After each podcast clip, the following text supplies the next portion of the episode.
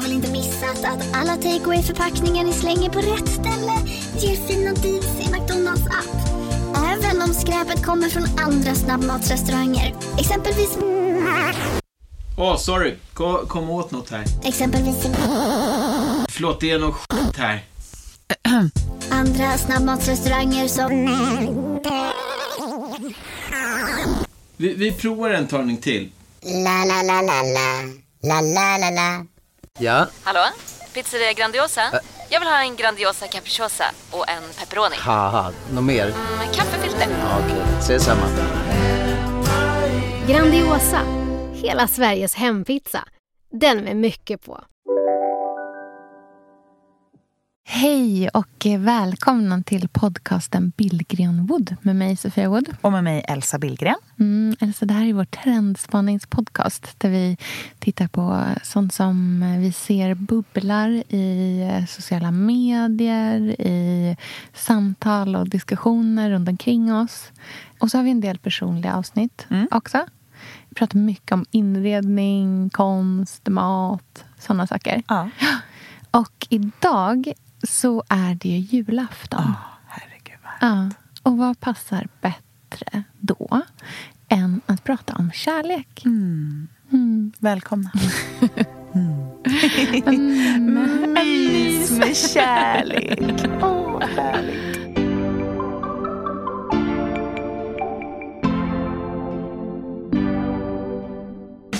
Alltså förr man var man ju gifta och sen så dog man tidigt.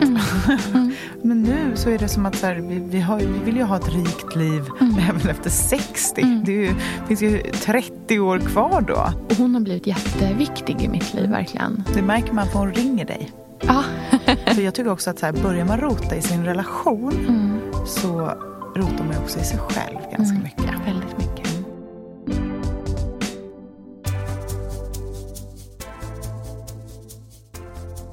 Ja, vi har faktiskt fått ganska många frågor eh, genom de här två åren om inte vi kan prata om kärlek Ja.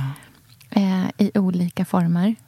Eh, det har varit många frågor om vi inte kan prata om våra egna kärleksrelationer. Alltså våra mm, respektiva. Ehm, och det tycker jag absolut att vi kan prata om. Men jag tycker också att det kanske...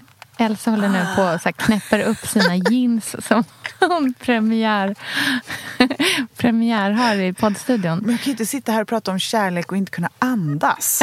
Alltså, ja, det är klart man knäpper upp jeansen. Vet du, jag får helt nya rörelsemönster nu Ja. när jag har jeans. Ja, nu, håller, nu ska jag också sparka av mig skorna så om Ja. ni har någonting. Så vet ni vad det är. Nu är jag så redo för att prata om kärlek. Nu är du redo. Nu är allting mjukt och skönt. Ja. Men, jo, men för det jag skulle säga är att ehm, det jag tänker att jag skulle vilja prata om i ett så här kärleksavsnitt det är hur annan kärlek än den romantiska kärleken har eh, uppgraderats på ett annat sätt. I och med att eh, vi lever i liksom annorlunda konstellationer. Ehm, och att vi kanske lever längre i eh, det livet som många har innan man går in i en så här, mer av en liksom väldigt seriös relation eller någonting som är långsiktigt. Att innan man går in i den, den liksom tids... mm, Så gammal som man är när man går in i det har liksom förskjutits väldigt mycket. Eh, och många har kanske andra typer av relationer idag än vad man har haft tidigare. Jag tänker på så här, särboskapet till exempel. Det känns ju som att det har gått från att vara någonting väldigt konstigt till att vara någonting som många tänker skulle vara en ganska ultimat lösning. Hur tänker du om det? Skulle du kunna vara särbo? Eh, jag vet inte. Jag, mitt problem är så här. Jag har ju nästan inte varit singel i hela mitt liv. Jag har ju varit singel i 48 timmar sedan jag var 15 år gammal. Det är helt sjukt faktiskt. Ja. så jag är inte så bra på att vara själv. Nej. Jag kan inte riktigt det. Jag vet inte hur man gör. Nej. Eh, det var inte så att Andreas och jag flyttade ihop på direkten när eh, vi blev tillsammans. Men vi var med varandra hela tiden ändå. Så, så här, antalet nätter nätter som jag har sovit ensam är väldigt få Ja. i mitt liv. Eh, och antalet så här, middagar jag bara har lagat till mig själv har varit väldigt få också. Det är en sån här sak som... De kvällarna när jag är ensam, då, alltså om jag typ ska äta, om Andreas är borta och jag har nattat barnen och så kanske jag ska äta middag efter att de har gått och lagt sig. Då blir jag alltid så ställd. För jag vet liksom inte vad man... Jag vet inte riktigt vilken nivå jag ska lägga det på när jag bara ska laga till mig själv. Åh gud, jag är ju jättebra på att äta själv. Är det? Jag gör ju det också väldigt sällan. Ja. Men när jag gör det, då blir jag som Elsa 21. när jag var singel sist. Och det var... Ja, men man visste att man skulle till Rish på kvällen. Man hade varit på Rish igår. Eh, man köper bara det som är gott. Ja. Så ett kilo kantareller Ja. som man steker i smör. Och äter på en tallrik med gaffel. Ehm, eller bara sashimi. Sashimi till lunch, sashimi till middag. Det, det är lite där jag hamnar i också. Eh, jag lagar av någon konstig anledning så här extremt lyxig mat. när det bara är till mig själv. Då är det liksom, precis så här, typ salmalax. Kan absolut köpa en hummer. alltså, du vet, så här, det är så orimligt. Varför kan jag inte bara laga så här, en pasta till mig själv? Utan nej, då... då och det är också så här, det är saker som går väldigt fort. Ja, men man gillar ju kanske inte stå och laga så länge då. Och på tal om eh, ensam hummer, så eh, på vår fiskaffär, vi har en ny fiskaffär nu. Ja. Vilket är så här, dit man flyttar ska man ha en fiskaffär. Ja. Och det blir ju ens bästa affär. Och det om man gillar och, fisk, alltså, Ja, och det absolut. blir alltid så här, min fiskaffär är den bästa fiskaffären och, och det flyttar med en Ja. vart man än flyttar. Så förut var ju min bästa fiskaffär Göta Fisk. Ja. Nu är min bästa fiskaffär Elsa Hammarströms Ja. fiskaffär. Mm. Och där finns det en. Jag är där ganska ofta. För det är liksom på vägen hem mellan förskola och hem. Och då stannar jag ofta till. Och det finns en kvinna där som är sådär, hon pratar så här. Alltså har en så härlig raspig röst. En stor fluffig eh, svinrygg. Och så köper hon, eller hon behöver inte säga vad hon ska ha. Nej. Hon kliver bara in. Ja, hon ska ha sitt vanliga. Hon ska ha sitt vanliga. Ja. Mm. En hummer, den största, bästa, finaste. Det vet du, Ja. säger hon i kassan. Liten klick majo och några skivor bröd. Och så säger hon, sätt upp det på barnen. Nej. Så tar de fram en eh, perm och skriver upp det på hennes barn. Nej. Jo. Oj, vad spännande. Jag bara Det vill känner så här, jag vill följa om. efter henne. Jag vill veta hur hon har det hemma. Ja. Jag vill veta allt om henne. Jag tror hon har fantastiskt. Jag, Jag tror att hon har en känner- otrolig våning. Jag tror att det är som ett sagopalats. Jag tänker att hon dricker ganska många glas champagne till det Ah, där och röker absolut. kanske 20 cigg i vardagsrummet. Det är sunkigt. Nej, Nej, hon- jag tror hon är rök- inte sunkig när hon röker Men cigg. 20 cigg är sunkigt. Jag tror Ah, att hon röker två cigaretter. Okej, två cigg. Men Hon hon, har sin- gör det inne. Absolut. I Absolut. vardagsrummet i en fåtölj. Du vet att jag, en av mina starkaste minnen, jag känner att vi har spårat ut redan. Absolut. Ja, vi har spårat Ja. ut redan, men Ja. det kanske inte gör någonting. Nej.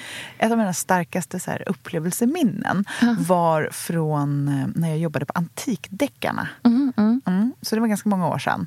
Och då så var jag så vintage-ansvarig och skulle hitta hemma hos folk och i butiker och sånt vintagekläder och sälja på auktion. Just det. Och då var det en kvinna som hette Marina som hade en eh, Hermes-scarfsamling som hon hade ärvt från sin mamma tror jag. Och då skulle jag komma hem till henne och titta på dem och se om vi kunde sälja dem och sånt där. Och hon bodde på Strandvägen i en enorm våning. Helt själv. Hon hade ärvt den. Hon var uppvuxen där. Ja. Hade ärvt den av sina föräldrar. Och nu hyrde Carl Jan Granqvist ett av rummen.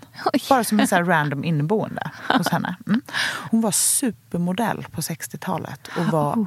Salvador Dalis musa. Nej men gud. Så hon hade stora uppförstorade fotografier. Du, alltså, du fattar hur vacker. Ah, ja. Så, två meter lång nästan. Så här, smal med en eh, kort, kort, kort kjol. Eh, Du vet de här frisyrerna som Silvia hade på sent Ah, ja, 60-tal, ja, tidigt ah. 70-tal. Som är en så stramt mot huvudet och sen är det Enorm, enorm volym. volym. Liksom som krullar Ja, som är fönade. Ja. Glansiga. Och lockade polisonger till. Oj. Det är min drömstil. Ljusa läppar, jättetjock eyeliner, stora örhängen. Wow. Verkligen så här slutet på Ja. 60-talet, eh, snyggt. Ja. Hon såg ut som någonting ur Austin Powers. Ehm, stora uppförstorade foton på henne och Salvador Dalí överallt i lägenheten. Och hennes nya grej var att hon ville göra tyg av, med stenmotiv.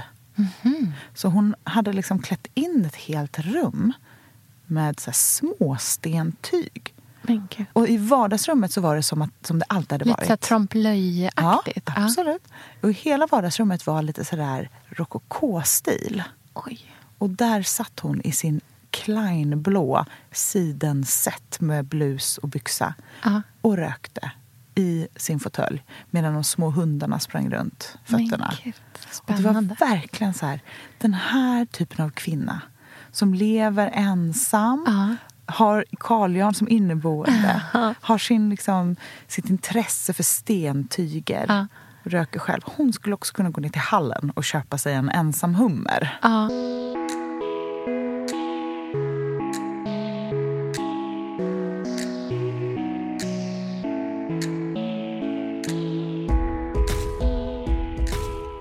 Ja, men väldigt fascinerande person. Ja. Jag kan verkligen känna att jag också med åldern blir mer och mer intresserad av kvinnor. Mm. Att jag vill eh, veta mer om dem och hur de lever och hur de tänker och Mm. allt som händer där inne i huvudet.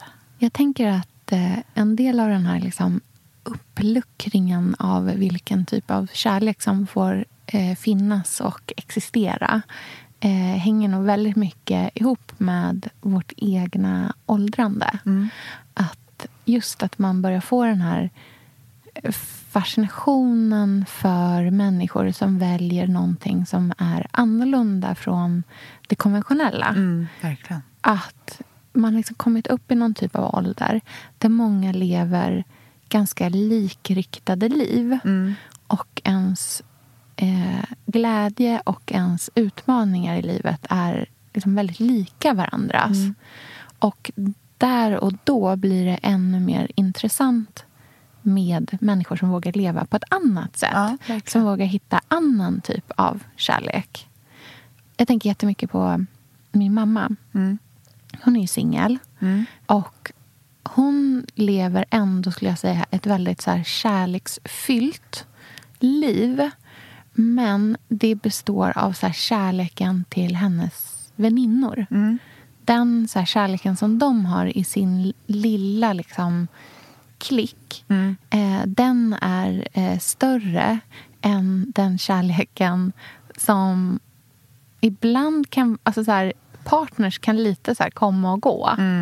Men den kärleken som de har i sitt gäng den är eh, liksom djupare grundad på något sätt. Den är den som de inte kan leva utan. Och i takt med att alla vi barn har flyttat hemifrån så har eh, de liksom fyllt varandras liv som väninnor. Eh, i jättemycket den platsen som vi som barn hade innan vi... Alltså det är klart att vår kärleksrelation är ju såklart överordnad alla andra. Men när vi barn inte bor hemma längre och när vi har våra egna familjer då blir det ju ett jättestort så här, eh, vakuum. Tänk själv när så här, Lynn flyttar hemifrån och hittar en partner som fyller jättemycket av det här vardagliga som du har varit i hans liv tidigare. Den, det kan jag tänka jättemycket på. Så för mitt liv eh, är just nu väldigt uppfyllt av mina barn. Ja. Men den dagen det inte är det längre kommer det vara en sån otrolig eh, känsla av förlust, tror Ja, jag. jag förstår vad du menar. Det jag försöker göra, jag försöker jobba på det där nu faktiskt. Och det gör jag genom att involvera eh, min familj otroligt mycket i mitt liv. Ehm, igår var min syrra hemma hos oss och åt middag. Och hon var med på Lucia-firandet och följde med hem sen och lekte. Och det blev spontanmiddag. Och så där håller vi på flera dagar i veckan. Och jag kan känna, jag har ju pratat med Pontus om det såklart. Så här, hopp, för att det är så olika i och med att hans familj inte bor i Stockholm. Nej. Eh, Att det blir lite ojämnt, eller vad man ska säga. Så jag vill verkligen känna så att jag har koll på det. Inte plöjer över honom så han blir en bricka i liksom mitt liv som alla andra också. Utan det är vi som är familjen, Pontus, jag och Lynn. Men jag vill ha en stor, brokig, levande, rörig eh, familj som kommer och går och är med. Så att, och det tycker han också är härligt. Så det har jag kollat. Men då tycker jag att det känns som att så här, när man har sin egen mamma hemma hos sig flera dagar i veckan och alla får vara en del av den här lilla familjen som jag ändå tycker i Stockholm har varit så väldigt murad. Så höga murar runt den här den lilla familjen. Vi är inte så bra på generationslivet.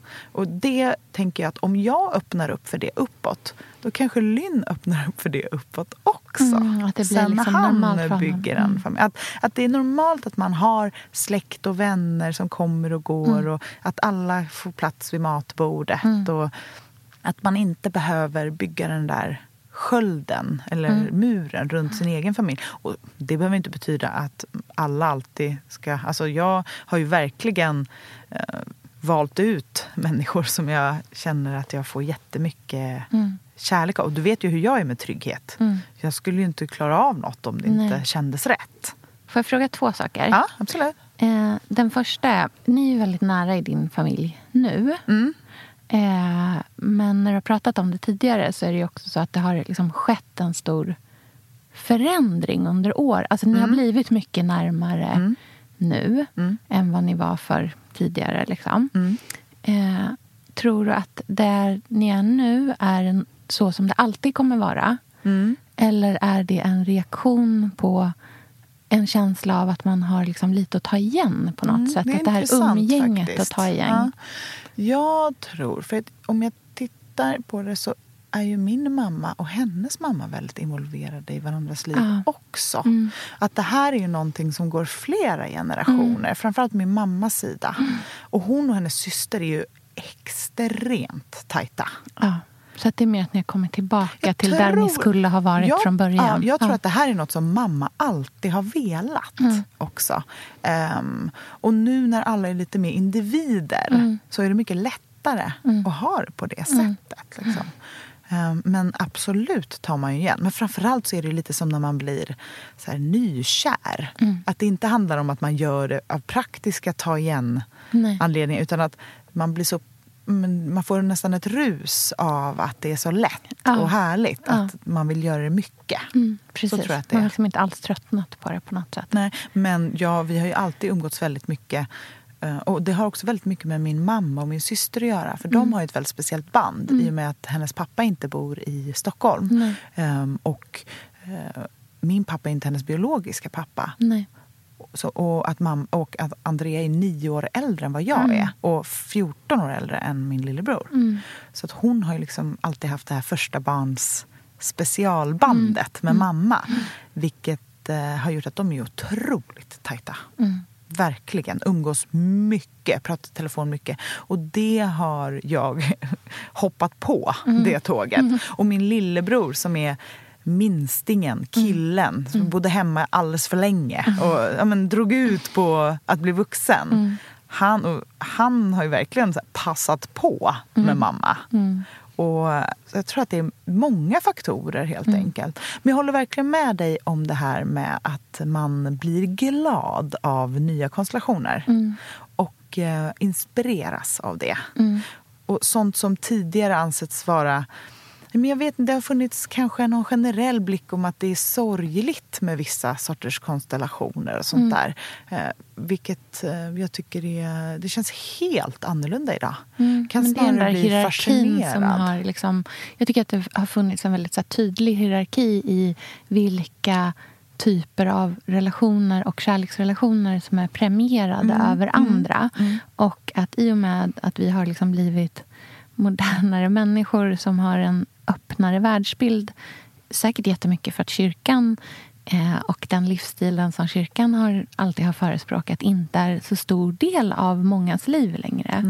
Eh, då har också den här liksom, pyramiden breddats och toppen har sänkts Mm, på något sätt. Det verkligen. finns nog fortfarande, det är klart att det fortfarande finns en, eh, en, en topp där liksom, samhället i stort ser heterosexuell, Mm. eh, klassiska liksom, så här, äktenskap, heterosexuella äktenskap, eh, kärnfamiljen som det liksom eh, Ja. högst upp på skalan. Och det märker man ju jättetydligt i, i vad vi är på väg politiskt, tycker Ja, jag. Med tanke verkligen. på alla uttalanden om vad som är en bra familj och Ja. sådana saker som man hör nu. Men det tycker jag känns som en kanske att det kommer en motreaktion Ja. Mm. på det. Att vi är mer konservativa än någonsin ute i världen. Mm. Men samtidigt är vi också så är vi en Greta-generation som Ja. kommer och Det är mycket som händer samtidigt. Ja, Mm. det är som två parallella spår som, som reagerar på varandra, Mm. kan jag tycka.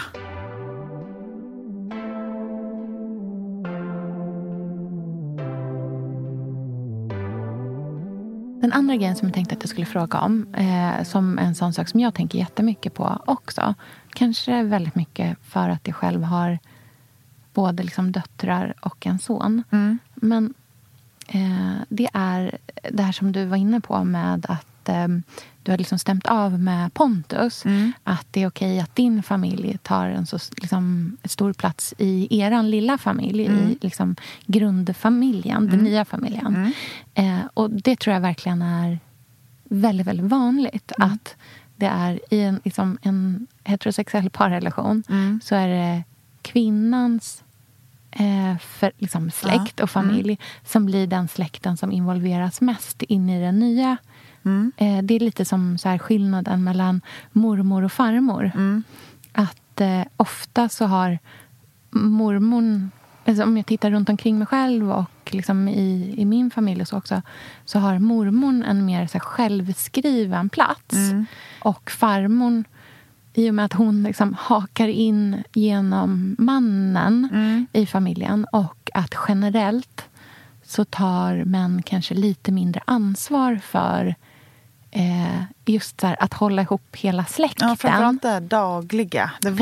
vardagliga. Ja, det jag. Mm. vardagliga. Att man liksom hör av sig och pratar. Alltså så här att man som... Om man säger att man är liksom en kvinna som har barn. Chansen att, man, eh, att jag ringer till min mamma och pratar med henne om så här Selmas eh, sömnproblem som hon Mm. har just nu. Den är ganska stor. Att jag liksom rådfrågar henne kring det. Sofia, vi är sponsrade av Tradera som är vår favorit, älskling och räddare i nöden. Nu ska alla göra exakt det jag ska göra. Ja, Mitt enda fokus just nu det är att sälja allt jag har. och Jag ska göra det på Tradera. Och, skönt- jag vill rekommendera alla att göra men det. så skönt att slippa ha typ loppis på gården och ingen kommer. Ta, talat av egen erfarenhet. Mm, nej, nej, nej. På Tradera det är alltså en otrolig marknadsplats för cirkulär konsumtion. Och Det är liksom så vi måste tänka framöver. Framför allt så ska vi tänka på vår semesterkassa. Den ska vi också tänka på. Den ska fixas nu. Ja, och för att det ska klirra till lagom Ja. till semestern så är det lika bra att börja rensa nu. Vad har vi i skåp? Vad har vi i lådor? Vad kan bli till rena pengar på kontot? Vad kan kan bli min sommarresa? Mm, vad kan bli den där, ja, men den där goda lunchen efter en dag på stranden? Vad kan bli en picknickkorg full av godsaker? Vad kan bli en ny gräsklippare när den gamla pajade? Den här sommaren ska bli den bästa sommaren. Jag vet, det här läste jag faktiskt i tidningen i morse också. Mhm. Att det ska bli en otrolig sommar. Det ska vara så soligt, vi kommer bada så mycket. Allt, det ska njutas. Det ska det. Mm. Vi är värda det efter den här vintern. Ja, och vi gör det genom att fixa semesterkassan Ja. tillsammans med Tradera. Underbart! Så in och sälj dina saker på Tradera och boosta semesterkassan nu. Tack Tradera på så många sätt. Älskar er!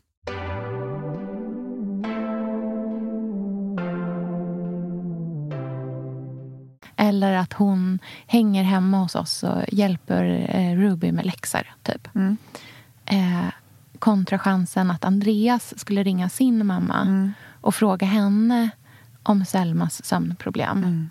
Den känns mycket längre bort. Och det är inte så att Andreas på något sätt så här, har checkat ut från ansvaret i vår familj. Eh, han tar precis lika mycket. Vi, jag skulle säga att vi har väldigt liksom, jämställd ansvarsfördelning. Men den biten där det handlar om att så här, involvera sin egna familj bakåt. Där tycker jag att det finns en skillnad i oss. Och den skillnaden ser jag hos väldigt många runt omkring mig också. Men det finns väl en eh, oskriven regel att kvinnors uppgift är att hålla ihop flocken. Mm. Liksom.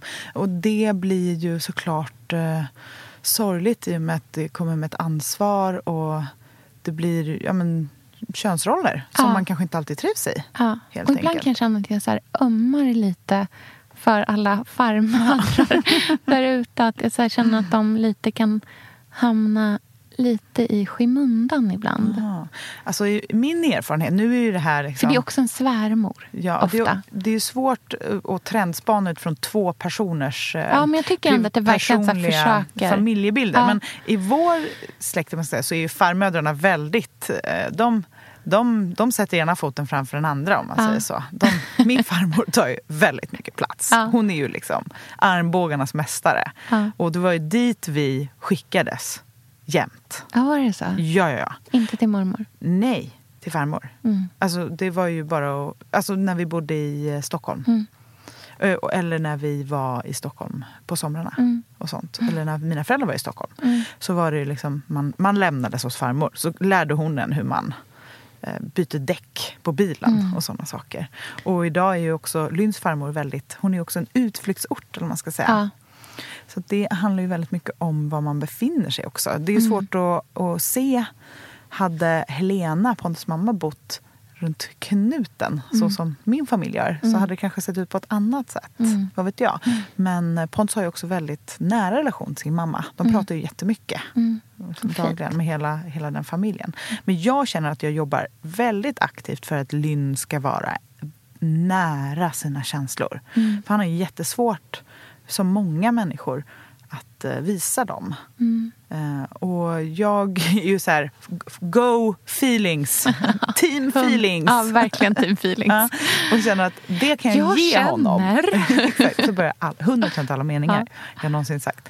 Nej, men jag, det är liksom min viktigaste uppgift. Att få Ja. honom att känna att han kan ringa mig. Ja.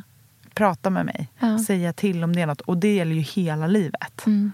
Så det kommer jag aktivt göra. Jag kommer inte liksom checka ut bara för att han blir vuxen. Det kan Nej. han fetglömma. Mm. Du kommer vara där ändå. Jag kommer vara där, verkligen. Mm. Men jag kommer också vara med mina kompisar. Mm. För det, även om det är klart det kommer ju vara en sorg, alltså otroligt. Mm.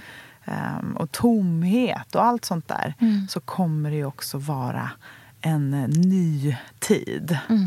Där jag känner att så här, man kan få skörda frukten för att man har gett mycket kärlek till sina vänner Mm. genom åren. Och byggt den där relationen. Mm. Och jag kan tänka mig att om man verkligen tar hand om de här vänskapsrelationerna som man har haft länge Mm. med sina tjejkompisar som har varit med sen forever. Mm. Att det kan vara helt otroligt att få ha dem nära liksom, under andra halvan av livet Mm. också.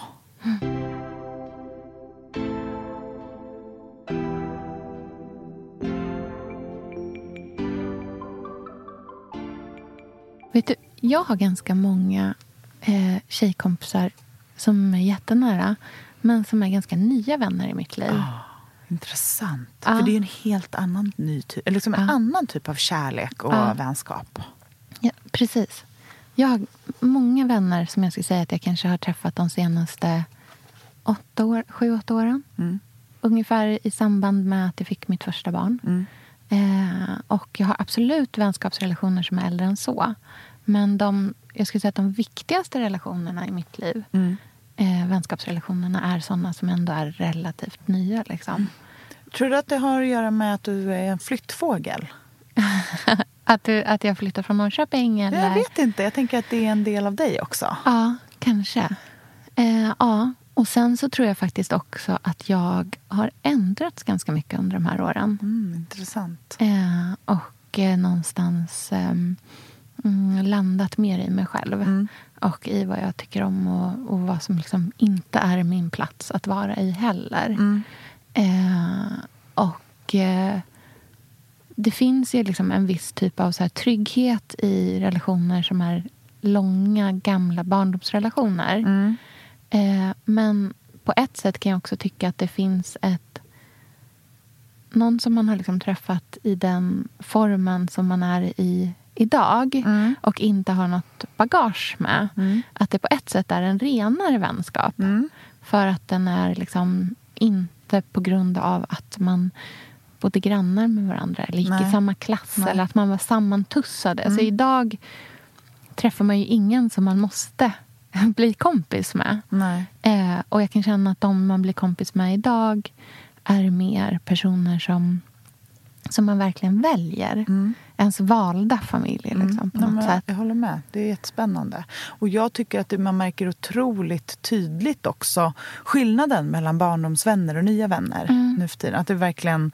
Hur tänker du då? Nej, men jag umgås på totalt olika sätt. Ja. Och det är då man kan bli så här, få lite så här hjärnfreeze när man blandar nya med gamla vänner. Man bara, hur ska jag nu vara? Ska jag liksom... Är jag den eller är jag den? Ska jag dra på mig pyjamasen och sätta mig med en skål chips i soffan och så inte prata med de här personerna som är mina barndomsvänner? Eller ska jag liksom gå in på Bukowskis och kolla på diamantringar? Var det jag, eller? Nej, men det, jag, kan, för man rymmer, jag kan tycka att man är lika äkta i båda de där lägena. Så jag finns i båda de Ja, ja. Mm. skepnaderna. Men, och de eh, kompletterar varandra väldigt bra. Mm. Och jag tror också att eh, på ett sätt så barndomsvänner kan vara härligt att ha med sig under livet också när man är äldre. För att um, skönt att inte behöva ta ansvar för umgänget sen. Mm. Alltså man kan behöva såna människor. Det är så mycket ansvar i livet och så Mm. mycket göra sig till och piffa till sig. Och liksom man går på middagar och drinkar och allt sånt. Mm. Och bara, jag, jag tycker att det är viktigt att fastän man är 60-70 plus kunna så här, chilla hemma med någon. Mm. Det hoppas jag att jag kan ha i mitt liv. Absolut. Men det tänker jag ändå att man kan med nya vänskaper också. Om förutsatt så här, vilken nivå de ligger på. Att det liksom Mm. inte bara är bekantskaper. Nej. Min kompis eh, Tessan, som vi har känt varandra i två år. Mm. Och hon har blivit jätteviktig i mitt liv, verkligen. Det märker man för hon ringer dig. Ja.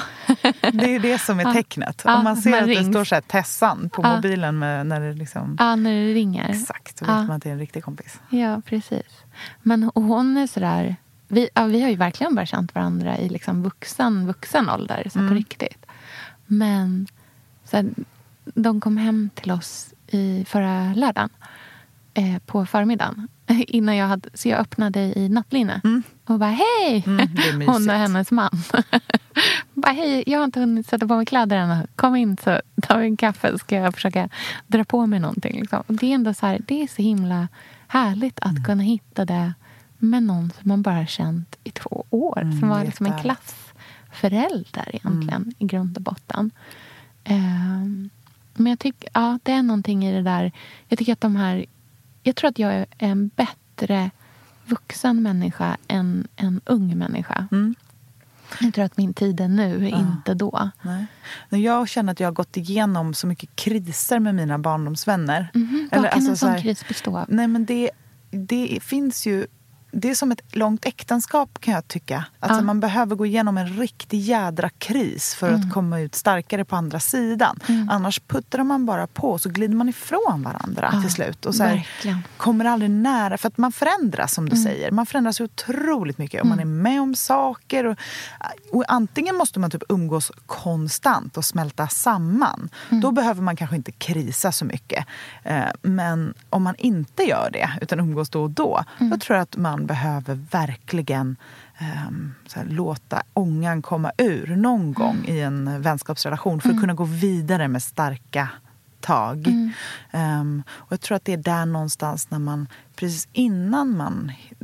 Eller jag var i alla fall sån när jag ehm, försökte hitta mig och gräva. Förstå, det är någonting som skaver. Det är något med familjen. Och jag började gå någon terapi. Men ah, jag vill också bli jätteframgångsrik bloggare. Alltså, så här, många saker i huvudet samtidigt som gör att man letar överallt febrilt istället för att vila och sansa sig och blicka inåt och se vad man har och inte stressa upp sig. Men jag var så rädd för att förlora matchen.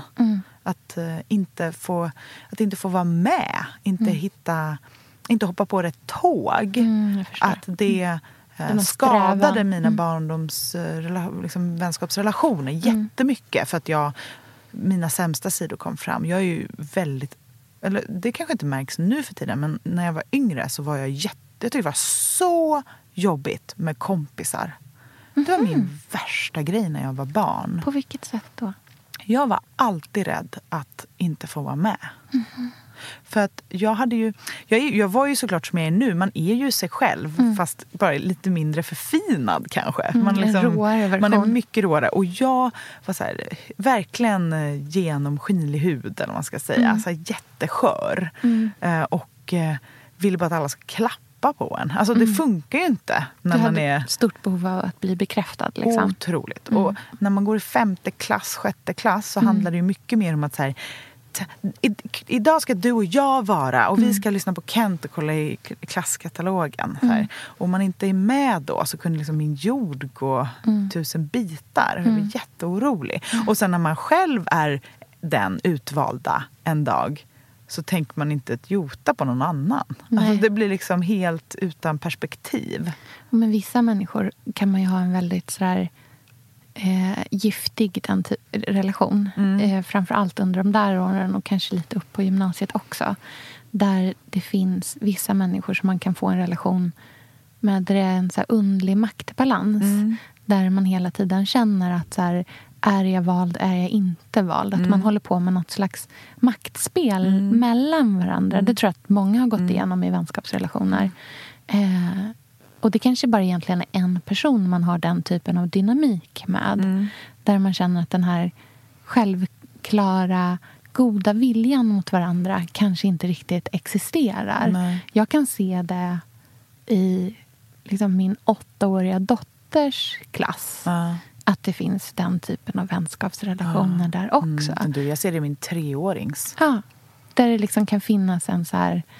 Ja, det, det eh, leks med varandras känslor. Och det kanske är en del av att växa upp och bli vuxen. Och jag tror kanske inte att det måste vara så att bara för att man håller på mycket så som barn och man är den som, som driver på det här att det betyder att man alltid kommer vara så. Eh, men det är någonting som man håller på att utforskar just nu. För att man håller på att utforskar maktrelationer. Men jag ser det i Lynn, att han har de dragen. Eh, att han är osäker i sina vänskapsrelationer ibland. Att han liksom vill vara med och ska de gå åt det hållet, då vill jag också gå åt det hållet. Och såna där saker. Och då, det är ju jättevanligt, men eftersom jag var väldigt sån när jag var liten, jag var rädd, jag hade så här FOMO. Och inte för att man ville man var ledsen att missa något kul. Utan för att dagen efter hade de ju 400 roliga skämt som jag inte skulle förstå. Och då hade jag inget självförtroende, kunde inte liksom föra mig i det. Så då var det bara att gå och gömma sig någonstans istället. Men då känner jag att det jag kan göra, för jag vill ju inte projicera mina jobbiga år i, om, med vänner när jag var liten på honom. Han är ju bara tre år.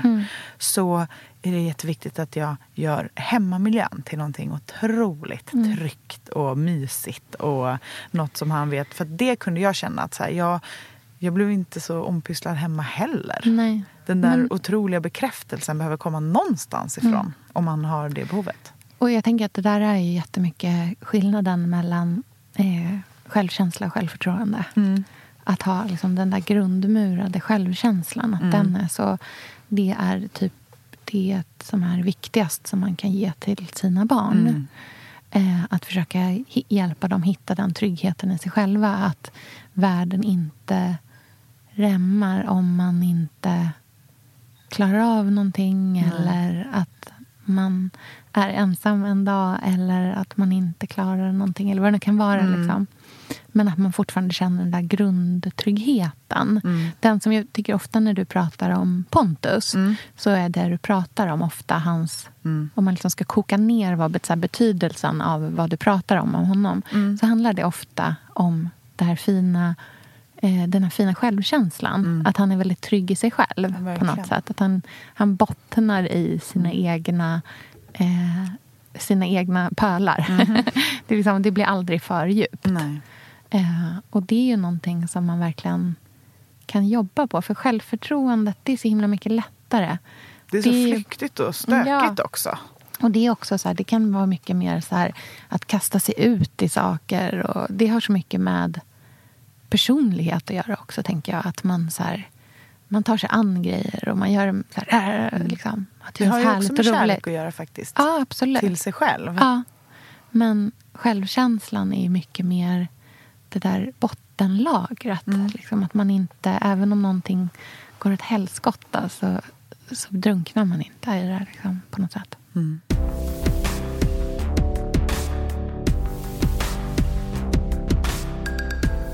En liten så här, sista kärleksspaning som jag vill göra Mm. är eh, en podcast som jag lyssnar på Mhm. som heter The Savage Lovecast. Mm. Som är en amerikansk relationspodcast Mm. som eh, drivs av en kille som heter Dan Savage som har varit en så radioprofil i San Francisco i 20 år. Han har skrivit massa så kolumner i olika tidningar och sådär. Och han är i så klassisk San Francisco-manér eh, en väldigt liksom, fritänkande, progressiv kille som är, eh, han är gay. Han eh, lever eh, med ett, en man och de har adopterade barn. Men de har också ett så öppet äktenskap. Eh, och eh, många av dem som... Eh, det är så här, man, man ringer in med en fråga och så svarar han på den. Så är det så här in, förinspelat. Eh, och många av frågorna handlar om... Det kan vara så här väldigt sexuell karaktär. Det är väldigt, väldigt högt i tak och superöppet. Det är väldigt mycket emot så här kink-shaming och alla möjliga saker. Men en så här trendspaning som jag vill göra eh, utifrån den här eh, podcasten är hur många det verkar vara i progressiva, kanske framförallt amerikanska kretsar, det har kanske inte kommit så mycket hit ännu, eh, som börjar öppna upp sina förhållanden. Som kanske lever i, de kallar det monogamish. Där man har eh, så satta regler eh, som båda har gått med på. Som handlar om att kanske dejta andra. Eller att ha sex med andra. Eh, för sig själv eller tillsammans. Alltså det, det är bara... Det är så långt ifrån mitt egna liv. Men jag tycker att det är så intressant att lyssna på. För att det är så spännande att se hur många så här, nyanser av andra typer av relationer det kan finnas. Och jag tror verkligen att så här, det här är inte representativt för den stora massan. Men jag tror att det är representativt för early adopters. Jag tror också att det har att göra med att vi lever så himla länge. Ja, Man, det är väldigt svårt att... Alltså förr man var man ju gifta och sen så dog man tidigt.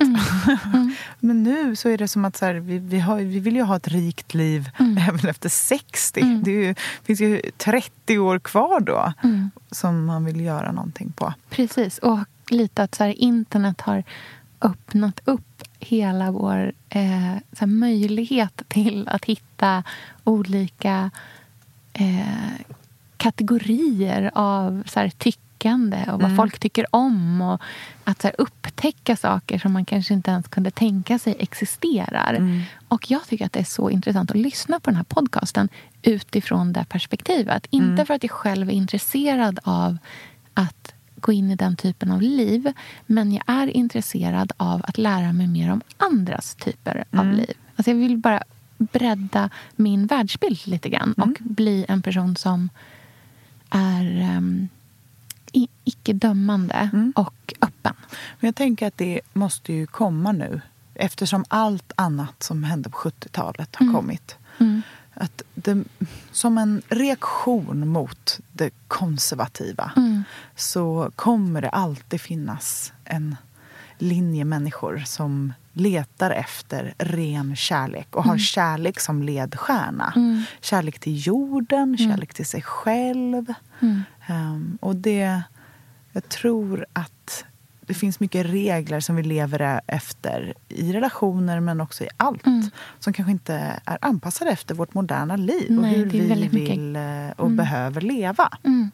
Ja, det är ju oerhört mycket gamla eh, traditioner och förhållningssätt som vi... Tänk om vi började peta och liksom pilla bort de här normerna som Ja. vi lever efter i, i eh, relationsmässigt framför allt. Mm. Och vad vi skulle kunna hitta för eh, lyckligare människor Mm. där bakom. verkligen. Det tål att tänkas på vad man själv känner att man behöver. Mm. För jag tycker också att så här, börjar man rota i sin relation Mm. så rotar man också i sig själv ganska Mm. mycket. Väldigt mycket. Ja, ni får ha en fantastiskt god jul. Ja, verkligen. så God hörs jul. vi på fredag med en petit. Mm. Eh, och ta hand om er och ta hand om dem ni älskar. Mm, Precis. Hej då! Hej då!